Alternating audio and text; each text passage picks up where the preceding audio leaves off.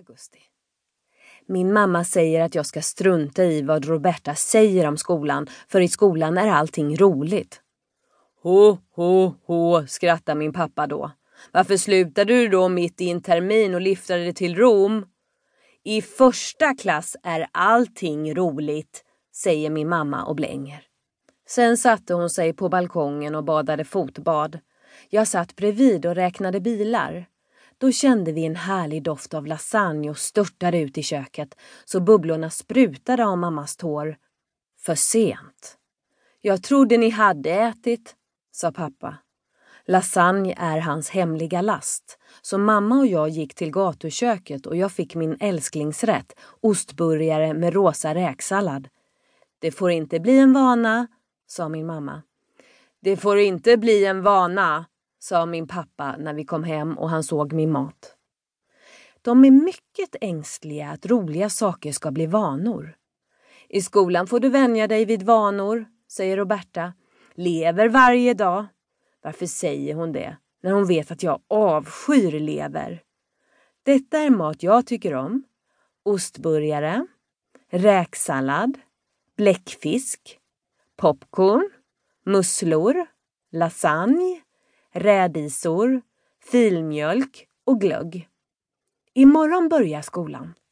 19 augusti. Klockan tio skulle vi vara i skolan. Nervös och nybadad och eländig var jag. Vad hände vid frukosten? Mamma hällde ut mjölk på bordet. Hon hällde kaffe i sockerskålen. Hon la in morgontidningen i kylskåpet och stoppade radion i ugnen. En grön strumpa hade hon på sig och en brun.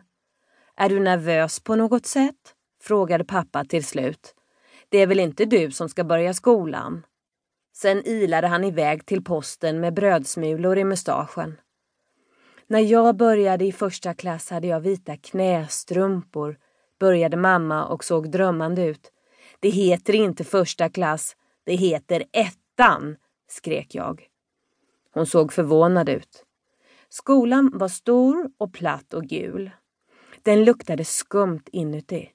Mammas näsborrar började darra som på en häst. Och precis så här luktade det.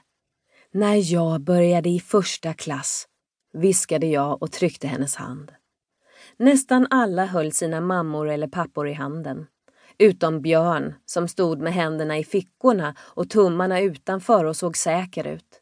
Björn känner jag från lekis och det var fler därifrån i högen som väntade i korridoren utanför ettans klassrum. Linda och Janna och Jorma. Men jag suckade när jag tänkte på Anders. Min bästis i lekis. Han har flyttat till Stockholm nu. Jag har fått kort från honom. Han går på Skansen varannan dag och på Gröna Lund varannan dag. Om det blir någon tid över åker han upp i Kaknästornet så han har inte tid att gå i skolan. Men plötsligt pep Linda. Det är fröken, hon som kommer nu. Jag tittade på mina skor.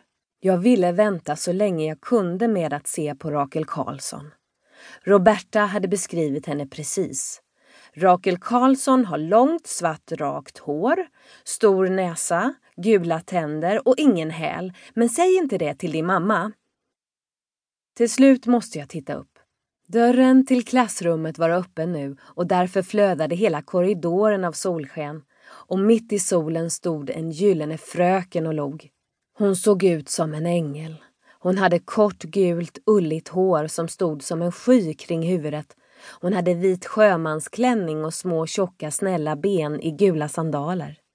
Hon hade fräknar på händerna och var mycket, mycket liten. Min mage blev helt snurrig när vi fick gå in och sätta oss var vi ville. Mina fötter var kalla men händerna heta. Jag tittade på mamma. Hon stod ordentligt vid väggen i blå strumpor och tittade på den stora gröna tavlan.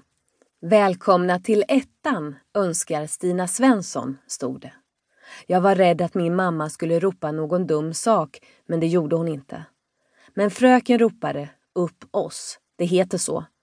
Björn Axelmyr, Ja, skrek han. Så fortsatte det, men min röst låste sig såklart.